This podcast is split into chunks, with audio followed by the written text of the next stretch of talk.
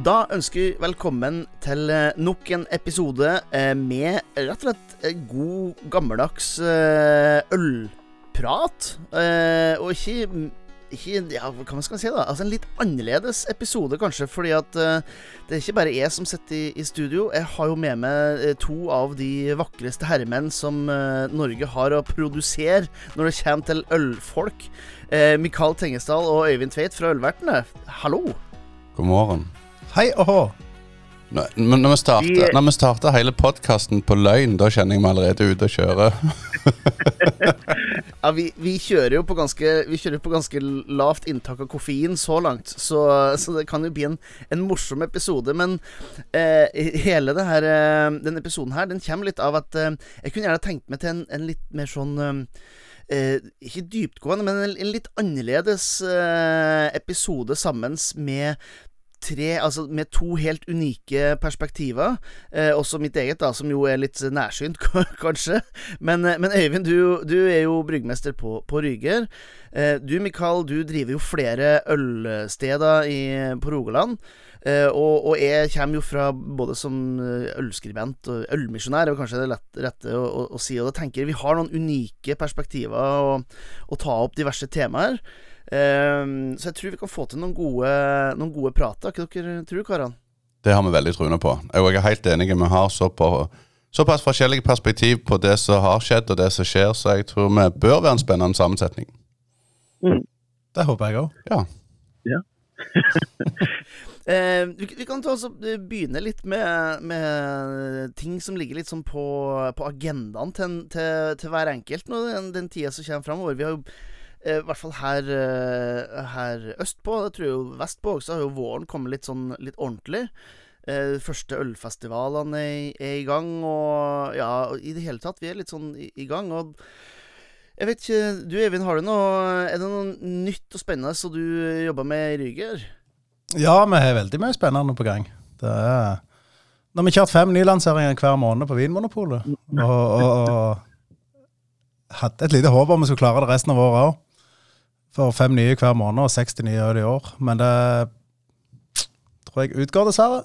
Vi har luksusproblemet at vi har det travelt. Så vi produserer mye til Rema for dagen. Og, og, men vi har masse gøy eksperiment. I dag skal jeg kjøre et Vi skal lage øl for unger, Ja, også kalt alkoholfritt. Eh, Øl for unger, faktisk. ja. nei da. Jeg er veldig glad i alkoholfritt sjøl, og jeg har vært på kursing i, København. Og, og nå kjører vi første test får besøke fra Danmark i dag. Så det er et veldig spennende prosjekt. Eh, vi har Dette har dere aldri lansert utenfor disse veggene. Hva planene deres er? Så podkasten her kommer først med deres alkoholfrie tanker? Korrekt Jeg vet ikke om jeg får lov til å si det engang. Nei, nei. Det, det, det er ikke meg og Idar som er sjef for det, så det går bra. helt korrekt. Nei, ekstremt spennende. Det Men, men hvilken gate, går dere da i? Går dere etter, unnskyld meg, men Mm. Norges og verdens beste alkoholfritt, så er Larvik No Worries? Mm. Eller går dere mer på type Munkholm alkoholfritt? Vel, Jeg føler at det er et ledende spørsmål, men jeg vil bare høre et svar hvor dere skal hen. Da kan jeg bare si no worries med en gang. Ja, Mm. Den fermenterte Fermenterte alkoholfri drikk, eller lav alkohol, 0,5% maks. Spennende. Det blir kjempespennende. Ja. Det er jo en kjempetrend også når man ser eh, til resten av verden òg. jeg så eh, eh, ja, For et par uker siden så kom eh, salgstallene fra, fra dansk dagligvare. Og de hadde jo hatt en tidobling av, eh, av omsetning på alkoholfritt øl i, i 2021, sånn som jeg forsto det. Og for de som har, har vært med eh, et minutt eller to i, i ølverden, kjenner jo til eh, Mikkel fra Mikeller også. Eh, og han sa jo det at i, i løpet av eh, fem til ti år så kommer alkoholfritt, eh, altså alkoholfri øl til å være den viktigste eh, kategorien med øl for, for brandet hans. Så det er, jo, det er jo spennende. Dere var jo en hel haug nede i, i Danmark og, av norske bryggerier og, på det kurset. F- 47 bryggerier fra Sverige, Danmark og, og Norge. Mye bryggeri i Norge. Jeg vet ikke hvor mange som kjører videre på det. Det, det er en ganske komplisert uh, prosess, men det er ekstremt spennende, for det er litt vanskelig. Eh, Det blir Hva skal jeg si Det blir noe helt annet. Men, men for at folk der ute skal forstå litt hvorfor bryggeri, mindre bryggeri satser på alkoholfritt, Mm. Hvis du tar en boks standard pils og en boks à la No Worries Mm. ut i butikken, hva sitter bryggeriet mest igjen med per enhet? Åh, den økonomien har ikke jeg gått inn i. Nei, men den er tydeligvis så liten at du kan nesten tjene like mye på alkoholfritt. Ja, Så, ja, okay. det, det vil jeg velge å tro at det gjør, for du har jo ikke alkoholavgifter. Og... Har du Jan Ida, noe mer innsikt på akkurat sånne tall? Cirka. Ikke nøyaktig, men cirka-tall. Ja, altså når du, når du går til, til craft beer, så du vil, du vil sitte igjen potensielt med litt mere for, eh, for ordentlig sterkøl. Men det, altså sånn, nå snakker vi opp i 8-10-12% fordi at marginene gjerne er mye høyere på de fordi at det er høyere alkohol. Så hvis bryggeriet tjener 5 mer på det, så merkes Det er ikke det som gjør den store forskjellen på prisen. Eh, men når du kommer ned til Jeg, jeg vil tippe når du er på 4-7, eh, så vil jeg påstå at da er du ganske likt i forhold til marginuttaket du kan ha på en alkoholfri versus en 4,7, og kanskje til og med litt mere hvis du selger det i dagligvare, fordi at marginene til dagligvaren er jo nesten Altså hvis du ser bort fra, hvis du ser bort fra alkoholavgiften, så er det jo dagligvaremargin, altså det butikken tjener av de som er kjedene, som er den virkelige påslaget der. Det er jo ikke råvarekost og, og avanse for bryggeriet. Det er det som er litt, er det er litt misforstått i, i For ti år siden så var alt snakk om råvarer, pressa det mest mulig ned. Og råvarekosten i det totale bildet er veldig lav. Selv om vi i Ryger har en ekstremt høy råvarekostnad per enhet enn det som er normalt, men vi bruker kvalitetsråvarer òg. Men det smitter ikke så hinsides på prisen heller. Men de gjør det på alkoholsterke øl, som vi har surøl bl.a., med 50% frukt. Selvfølgelig er det dyre råvarer. Når vi bruker 1000 kg med sure kirsebær i, i et surøl på 2000 liter, så er det dyrt. Men jeg kan si en liten fun fact som er Jeg er ikke verdensmester på tall, uh, men det jeg fikk, eh, vi fikk presentert nede i København, det er at på verdensmarkedet i 2021 så økte alkoholfritt med 18% Og det er forventa i 2022 å øke ytterligere 12 til. Ja. Jeg ser jo bare hvor mye vi selger av alkoholfritt, så det, det Og, og du ser land som Spania f.eks. er har ekstrem trend på alkoholfritt. Der folk er vant med å ta seg ei Iallfall oss nordmenn som reiser ned og tar seg øl midt, midt på dagen skal de være alkoholfrie. Og det er et savn jeg har sjøl òg. Jeg er alltid no worries stående i kjøleskapet hjemme. For når jeg har lyst på ei øl, så trenger ikke plent å være alkohol i det. Jeg vil ha ei øl som er god. Mm. Mhm. Ja, Det merker jo kanskje du også, Mikael, i forhold til den enorme svingninga som har vært i forhold til eh, hva utvalget på alkoholfritt er. For jeg, jeg husker jo fra når jeg var eh, yrkesaktiv i, i restaurantbransjen, så det å, å ha alkoholfritt eh, øl, det var noe du måtte, fordi at eh, det krever staten. Eh, men det var jo ikke noen som drakk det, med mindre de absolutt ble nesten tvunget til det. Altså, det er ikke noe gærent i en Munkholm, eh, men det var liksom det eneste man hadde, var alkoholfri pilsner. Mm. Og, og, og sånn den ble produsert, eller blir produsert i dag, det er at du fordamper vekk alkoholen fra produktet. Uten å bli for nerdete, så varmebehandler du produktet på en veldig brutal måte. Men det, var vel, men det har jo vært veldig gøy å se at uh, Munkholm var først. Og så kom Erdinger alkoholfri. Selvfølgelig mange andre, men nå tenker vi på bransjen. Så så vi Erdinger alkoholfri, og så begynner det å bli ganske bra. Og så kom Nanny State, som tok det til et helt nytt nivå. Og mange andre har vært på vei på den reisen. Uh, blant annet Michaela sin den bringebær alkoholfri de hadde for noen år siden, var helt nydelige. Og nå er Larvik No Worries det råeste og det råeste i mine øyne akkurat nå, og det selger veldig godt. Og det ser jeg at vi det er ganske kult hvordan, eh, hvordan det selger. Så det, er den, vi merker òg den at eh, alkoholfritt øl det stiger veldig. Ja, du har jo egne bryggerier som bare lager alkoholfri. Eh, spesielt eh, i England, sånn som Big Drop, eh, Nirvana. Det det eneste de lager alkoholfri øl. Det er ganske eh, utenkelig for ti år siden, og ganske rått. Å ja, nei, da kan jeg anbefale å ta en, en tur innom uh, Det finner du i dagligvare. Finner du Ja, OK. Ja. Mm. Vi tølte et kurs i København om at uh, vi skulle starte et bryggeri i Norge som kun produserte alkoholfritt. Det, det tullte vi med. Så, så da har de faktisk gjort det i England. Ja. Mm.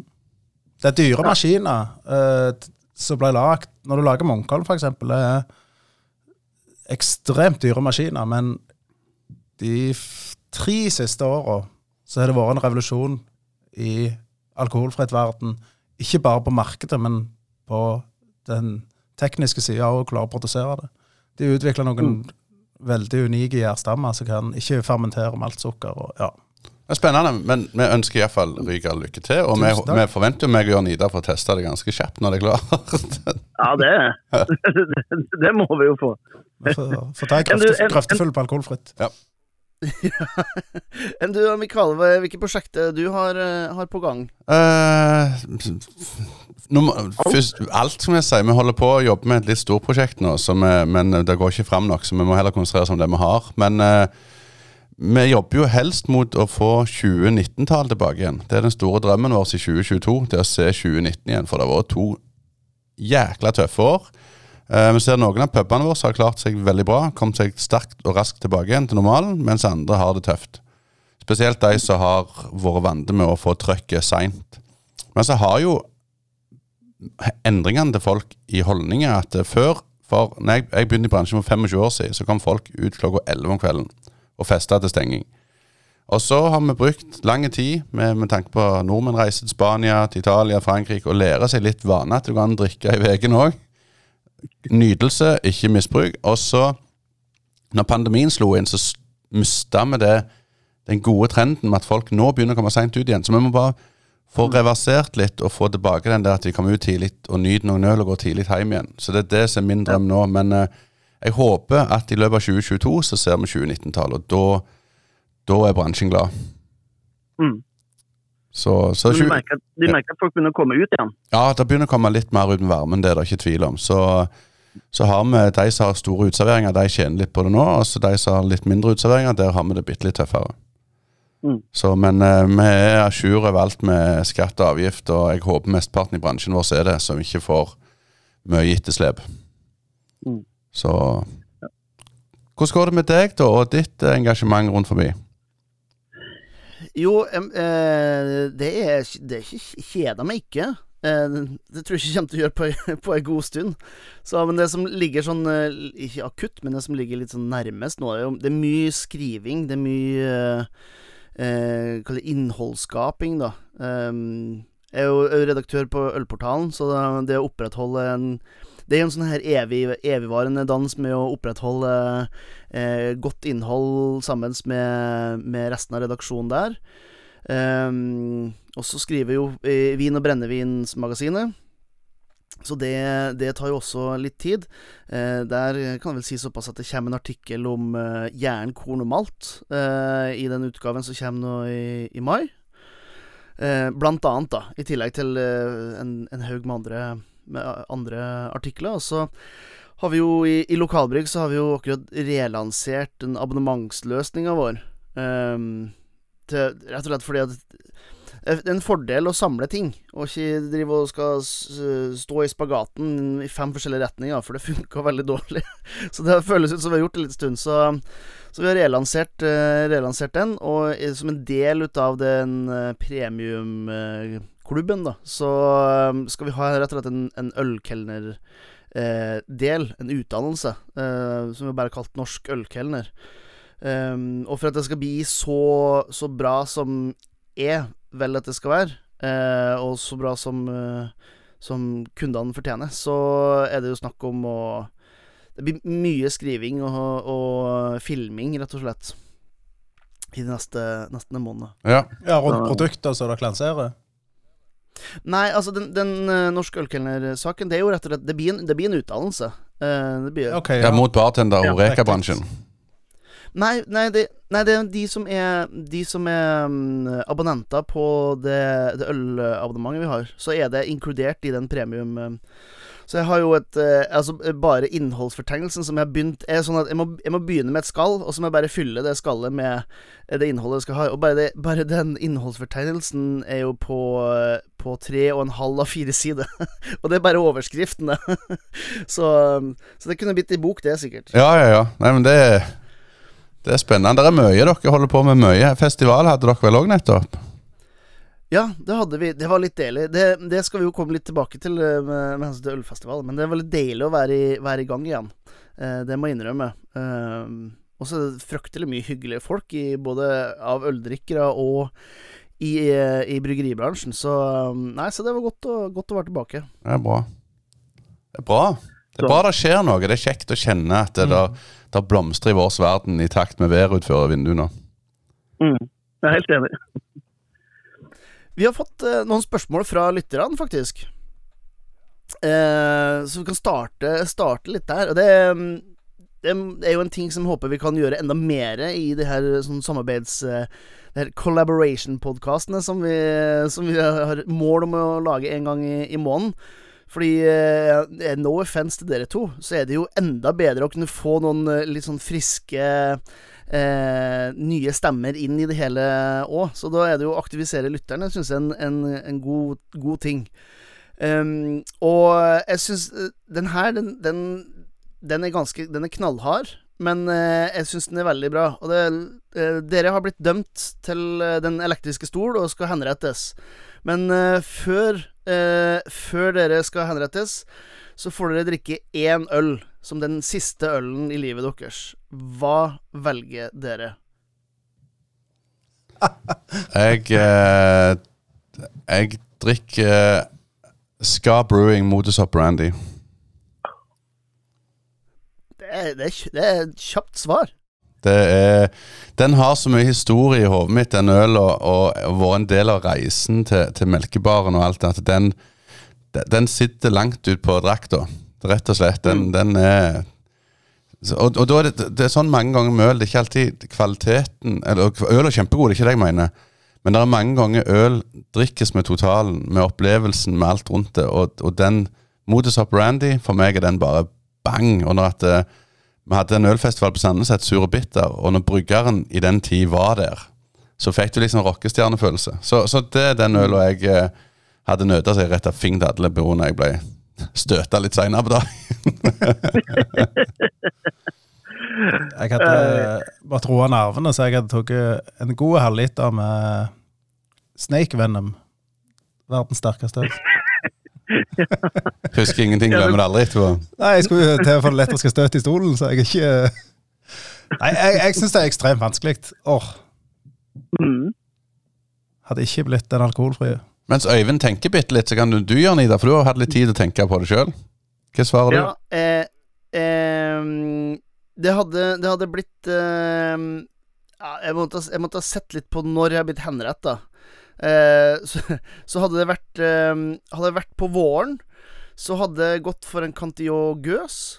Eh, hadde det vært på sommeren, så hadde det vært en eh, Rosé Gambrinus fra samme bryggeri. Og hadde det vært på høsten, skråstrek vinteren, så hadde det vært en eh, eh, Åh, den drue Den drueutgaven de har. Lam, lamvi, lamvinus. Så, jeg, så jeg, jeg må rett og slett ta og sende melding til fengselssjefen og spørre Kan jeg vente litt til sommeren så jeg kan sitte på den enga og drikke den ølen. Så det er sånn sesongbasert valg. Ja. Ja. Så, men det hadde, det hadde blitt noe fra Det hadde blitt en lambikk eh, eller en, en gøs, og så hadde det bare avhenga litt når det har vært i forhold til eh, om det skulle vært mel uten frukt. ja. Veldig med på en lambikk altså. Da, da kjører jeg på med ei treliterflaske med Trifontein. Ja, veldig bra. Jepp. Ehm, det er jo en perfekt Segway da inn til et annet spørsmål jeg fikk. Hva er det som gjør belgisk øl så utrolig spennende? Mikael, du har jo jobba med belgisk øl i ganske mange år. Hva, hva er det som gjør belgisk øl spennende? Om du syns det er spennende, da. Eh, ja, jeg liker veldig godt historien. Jeg liker veldig godt alt som ligger bak det. De går ikke akkurat ut av uh, historietimen bare for å hive seg på ei bølge. se. Det er ganske fascinerende. Og så er det når du har vært så heldig å være nede i Belgia og møtt bryggere, folk som jobber i bryggeri, de, de, de, de har hjertet i det de holder på med. Og, og bare kjenne den familiefølelsen som du får der nede. Det er ikke en gjeng med hipstere som har begynt å jobbe i et bryggeri. Det er, det er historie i vegger, det er historie i folka. Og, og, og de, de, de, de brygger øla med største stolthet. Og det ser jeg bare når jeg var nede på, på Chimay, eller Chimay som vi sier her i Norge.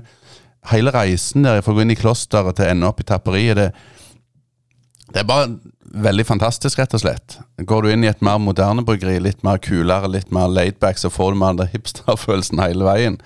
Så, så jeg liker veldig godt det belgiske, men jeg, jeg, eh, jeg så på pub med en kompis av meg, og så sa han at han ville ha en pale ale.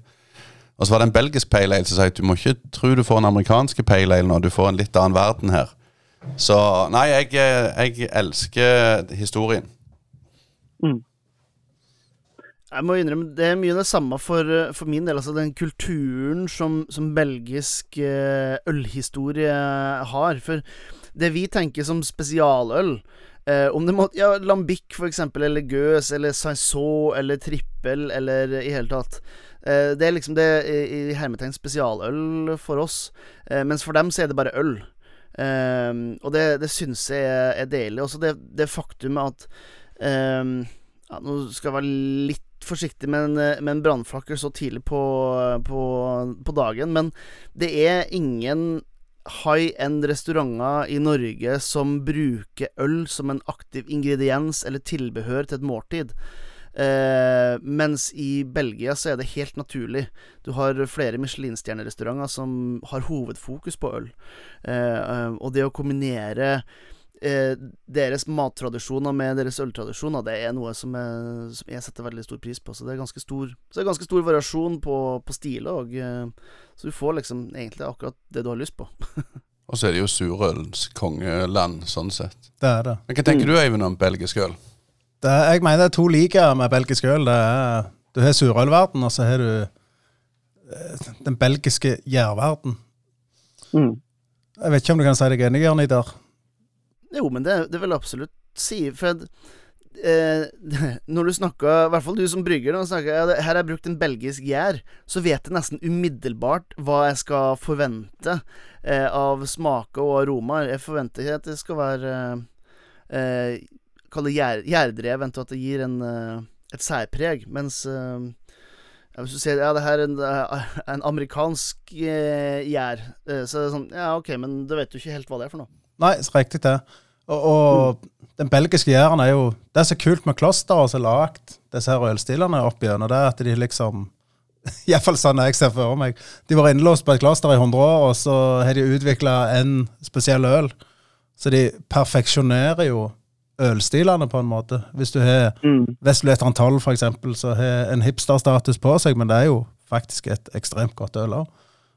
Ja, og, og, det helt litt det å få De justerer litt og litt og litt og litt, og så går det på avlingene av korn, så de har Og ja, jeg syns det er kjempegøy, men så har du jo Surølverdenen òg, som er kjempespennende i Belgia. Jeg har reist Mm. ens ærend alene ned til Belgia jeg, i 2015 bare for å besøke Canti og, og Trifonteinen, for jeg fikk innpass der. Mm. Til å få lov til å komme og besøke dem. Og det, det er ufattelig spennende. Det er Ja. Den ølstilen jeg syns er mest spennende av alt, det er lambic-verden. Og det er noe jeg har holdt på med i, i over ti år sjøl, å brygge Mm. på privaten. Så det, det, så det du prøver å si, det er egentlig det at den alkoholfrie uh, rangen som Ryger kommer nå, er egentlig ikke No Worries og Pale Ale og IPA. Det her, det er egentlig Det er rett og slett eh, alkoholfri lambic.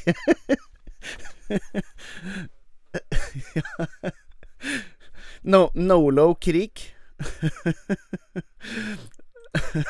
Uff, ja. Ja. Nasjonale ordet for alkoholfritt og litt alkohol, det er vel no-low. Ja, det, det, har- det har blitt en greie. Det er jo ikke noe som har noe lang historie, men det har, det har blitt eh, betegnelsen på det. Så um, Det har kommet et par andre spørsmål. Sånn, vi skal ikke ta, vi skal ikke ta alle, men jeg, jeg tenker en som er litt interessant å kunne ta, er jo Hva er Altså det Spørsmålet er jo todelt. Altså Hva er den beste, og hva er den verste ølopplevelsen? Men det tenker du kan jo få lov til å velge, Øyvind. eh, om du vil ta den beste ølopplevelsen eller den verste ølopplevelsen, som du kan huske. Da. Hva tror du jeg tar? Ja, det, det, generelt så er dere ganske positive, så det blir vel kanskje den beste, da. Den, den verste jeg har hatt, er faktisk et norsk bryggeri. Men jeg har ikke lyst til å, å si det. Men, men uh, den beste ølopplevelsen Mm. Det er så mange av de. Ja. Jeg husker alt ifra da jeg satt nede i, og var 17 år nede i Syden og hadde en tropikal. Det var jo magisk, men det var jo av Ja. omstendighetene rundt. Ja, ikke sant?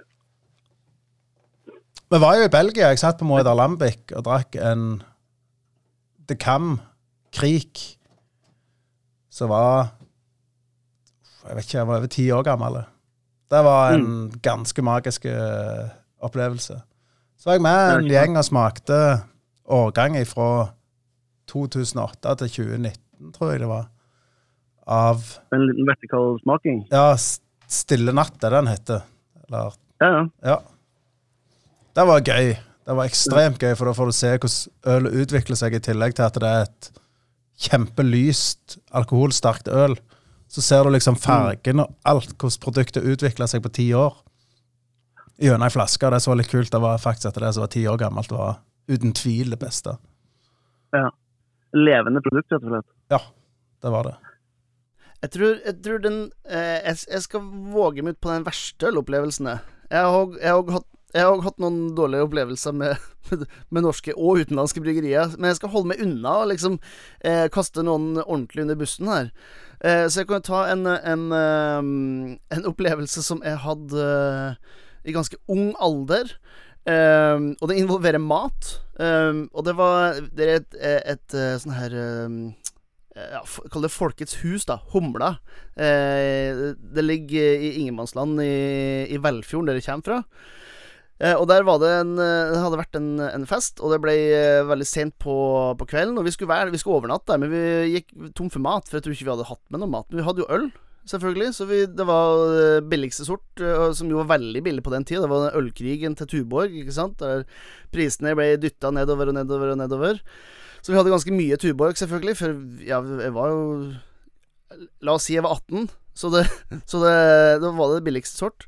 Eh, og da fant vi ut at Ja, men vi har jo, vi har jo lest det at det, det går an å Vi kan jo bare hente blåskjell. Det er jo ganske rent eh, ren sjø derfra. Og så dampa vi det i eh, Så dampa vi det i øl. Eh, og så drakk vi selvfølgelig da, eh, kald pils til eh, eh, mens midnattssola eh, eh, sto, på, sto på himmelen. Eh, og så gikk det tre timer, og så ble vi matforgifta av det blåskjellet.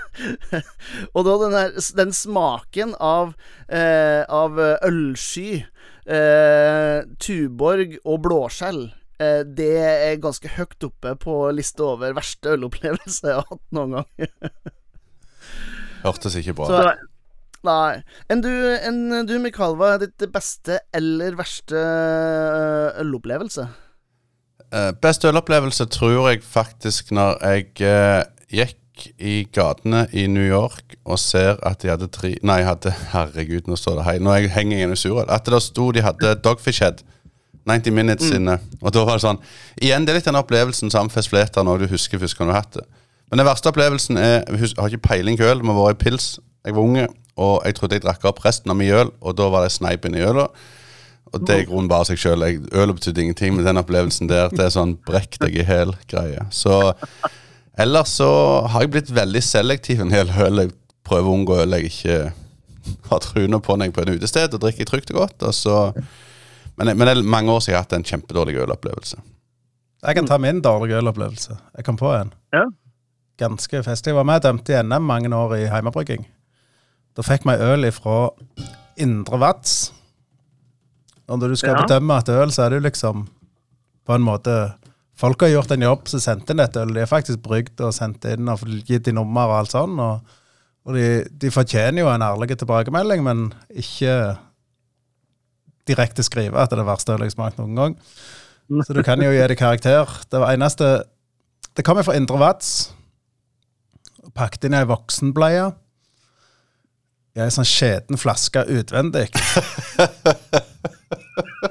Helt, helt grusomt. Og så åpner vi flaska, og så lukter det en usmak som heter babydiaper. En blanding av urin og spya lukter det. Men det kan jo godt hvis humoren hans var at du fikk det i ei bleie, og det, han visste det var en voksen diaper mistake on it, så Søkte opp personen etterpå, han var 60 pluss.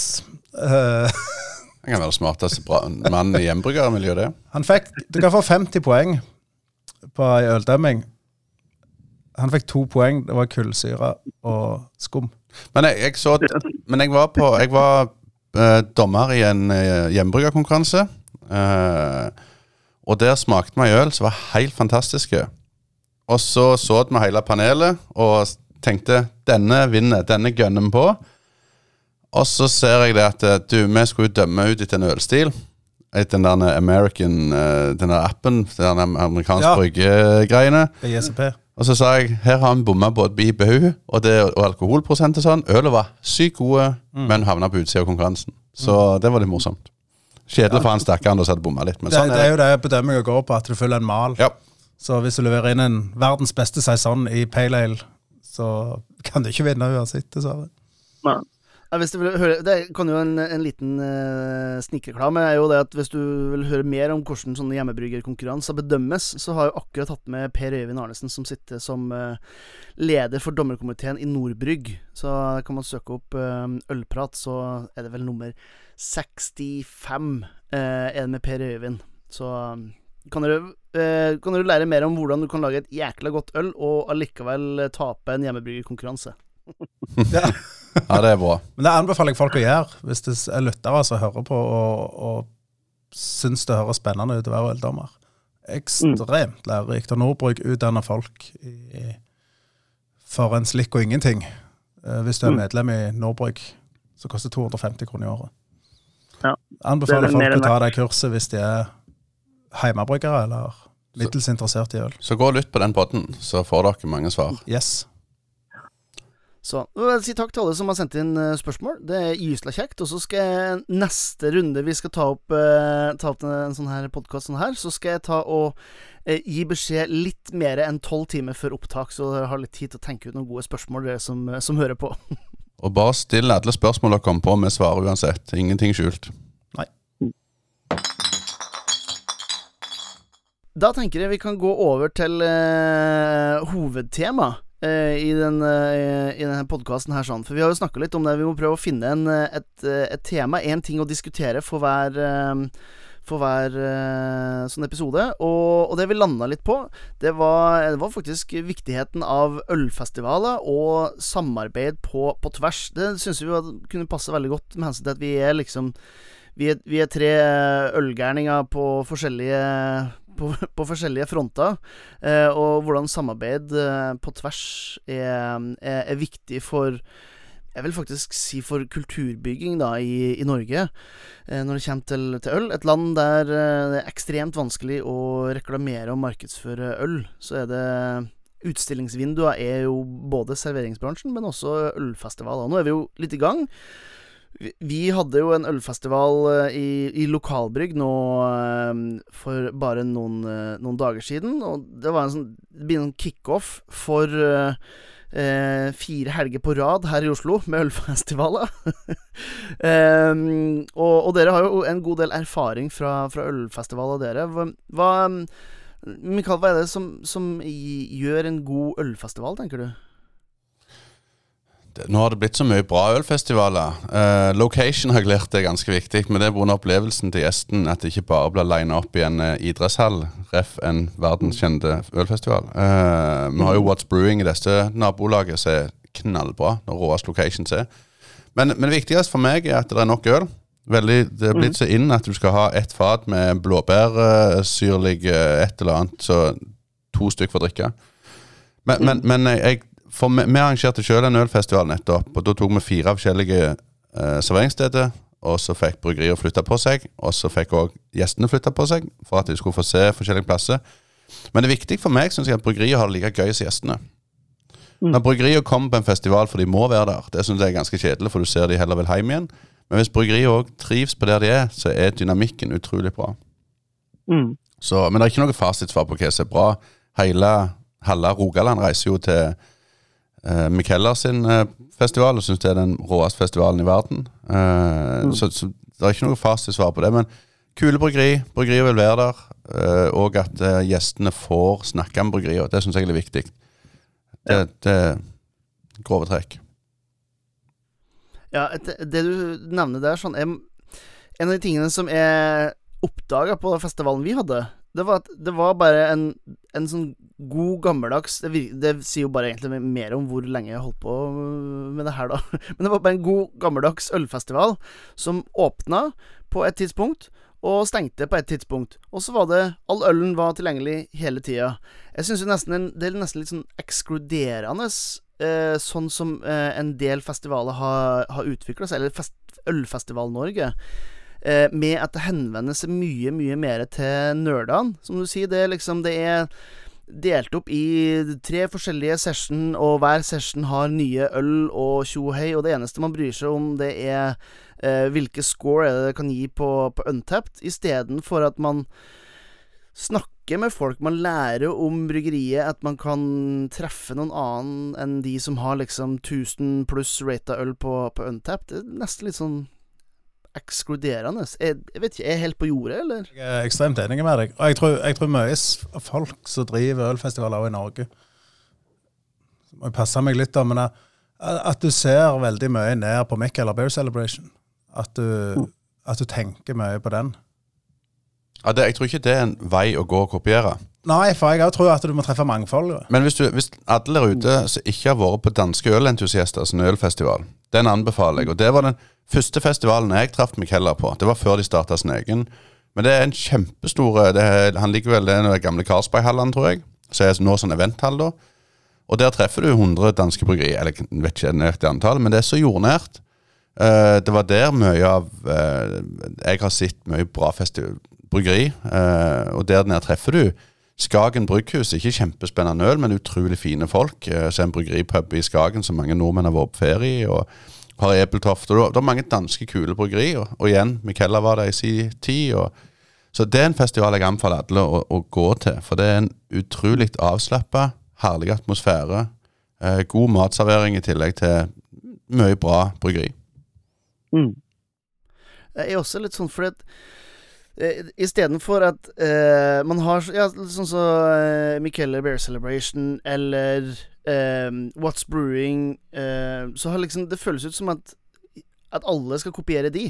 Og da er det da, da, Man går litt bort fra det øl skal være. Jeg er veldig for at man skal ha et, premiumsegment, og man kan snobbe det til av og til. Men hvis man bare snobber det til, så fremmedgjør man jo eh, øl. Man tar det liksom bort fra folket. Og det kan godt være at det, at det er litt sånn gammeldags sånn sett, men, men eh, jeg vet ikke, Hadde du vært med på noen sånne Altså Du, du som leverandør, eh, Øyvind, hadde du vært med på eh, sånne session-drevne festivaler? Er det like gøy som en vanlig festival som er åpen hele tida? Eh, personlig, jeg syns det er gøyere med de ølfestivalene som er oppe hele tida. Husker første gangen jeg var på Mikkeler, så ikke så lenge siden. Eh, da bestilte alle er to sesjoner på fredagen, to sesjoner på lørdagen. Og Men du var ganske lei etter den første sesjonen av å gå og bøtte på surøl og Imperial Stouts. Eh, så blir du lei. Jeg, jeg syns det blir hvis, hvis festivalene klarer å treffe mellomtingene mellom nerd og folkelig, Mm. så, så tror jeg det er bra. Men at jeg skal ikke kritisere noen ølfestivaler heller. Jeg er jo veldig glad i norske bryggeri, og jeg liker når de inkluderer norske bryggeri i festivalene i Norge, i hvert fall. Mm. Jeg, Ja, men det er jeg enig. Jeg skal heller ikke kritisere en eneste ølfestival. Det skal jeg ikke gjøre. Samme utested. Jeg driver med nisje, altså innen øl. Men ni av ti puber i Norge driver ikke innen nisje. De driver en standard med standard selection av Ringnes, Hanse eller hva det er for noe. Så jeg kritiserer ikke de andre parene. Men det må ikke bli for mye nisje. Vi òg må ha en balansegang i det vi holder på med. Og, og, skal du, og jeg, What's Brewing? Ja, Norges beste ølfestival. Uten tvil, syns jeg. Og det har mye location. er dødsbra. Og alt det der. Men det, jeg, jeg tror det er sunt å ha en allmennølfestival som er for den vanlige mannen i gata òg. Litt sånn som Nærbø ølfestival var her i vår region.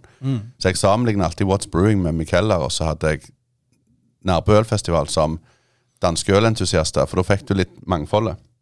Det syns jeg er bra og kjekt å være på sjøl òg. Og så er det jo en Altså, det, man har jo bra serveringssted serveringssteder, sånn som, eh, sånn som du nevner, som, som jeg har nisja.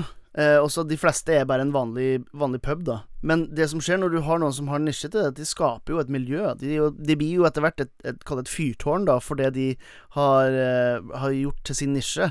Og det, det tror jeg jo er litt undervurdert, hvor viktig eh, ølfestivaler kan være for å bygge ølkultur i det lokale området. Eh, det blir litt sånn som i, i ølverden hvis du, hvis du har et eh, bitte lite bryggeri i Hattfjelldalen, f.eks. Eh, eh, og så tenker du at ok, det som skal være ølmarkedet mitt, det skal være hele Norge. Det, det funka ganske dårlig. Da må du ha veldig mye Du må ha veldig mye, veldig mye penger, og du må kjenne veldig mye folk, og du må være villig til å tape mye penger over tid det samme er med en ølfestival. Hvis du skal Ja, jeg skal lage en ølfestival, og det skal være for nerdene, så det litt sånn Ja, du, det, det går jo ikke. Fordi det er ikke nok folk å fylle opp det. Så hvis man har en lokalfestival, så er det jo bedre å heller tenke at man kan, kan være den kunnskapsbyggeren, den formidleren som, som er. Jeg syns det du sier med Nærbø der, eh, er jo akkurat eh, det et, et sånt eksempel på hvor viktig et fyrtårn en festival kan bli for, for å bygge ølkultur. Eh, jeg jo, kan jo dra opp den eh, ølfestivalen til Bådin òg, oppe i Bodø. Eh, Bodø er jo en litt større sted enn Nærbø. No offence til Nærbø. Men allikevel så er, det, så er det ganske lite ølkultur der.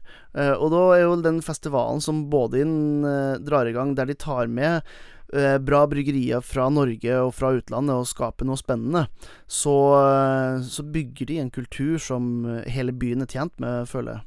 Eh, framfor å bare nøle seg til, og så skal man eh, forvente at ølnerder fra, ja, fra Stavanger og Oslo og Trondheim skal fly opp til Bodø for for å være med. Det er jo ikke sånn det funker. Det er ikke det. Og det vi ikke må glemme som ølfolk, det er at uh, håndverksølverden består av Eller Håndverksøl-Norge består av 3,5 av markedet. Men hvordan, mm. men hvordan, viktig er det for et bryggeri å være på en ølfestival? Det er grunnen, Kjempeviktig. Ja, og det syns jeg er litt essensen i mm. det som er kult å snakke rundt om hvordan viktig det er for et bryggeri å være synlige. Bryggeriene tjener ikke penger på å være på en ølfestival, men de tjener penger i lengden på å være i en ølfestival pga. at du får markedsføring. Og, og det er ikke det er jo gøy. Du treffer jo kundene dine. Folk får et ansikt å se på på bryggeriet. sant? Si du treffer 300 mennesker på en ølfestival ei helg som Ryga brygghus, da. Og hvis du klarer å smile og være et uh, godt menneske, så er det Så vil jeg kanskje velge deg igjen. Har du noe spennende øl? Har du noe kunnskap å dele? Eller har du Har du det bare gøy med dem? Mm. Så vinner du veldig mye på det. Og det er jo det vi òg syns er gøy med ølfestivaler. Det er jo det å ha det gøy med kundene. Mm. Og så er det litt gøy å levere litt sånn spesielle øl og prøve å kjempe om å ha den kuleste Ikke Eller ha noe spennende øl med. At det, det er gjerne en one-off som vi har. til er Bergen Beer and Whisky Festival som er nå neste helg, vel. Og, og du vil ha folk på standen din.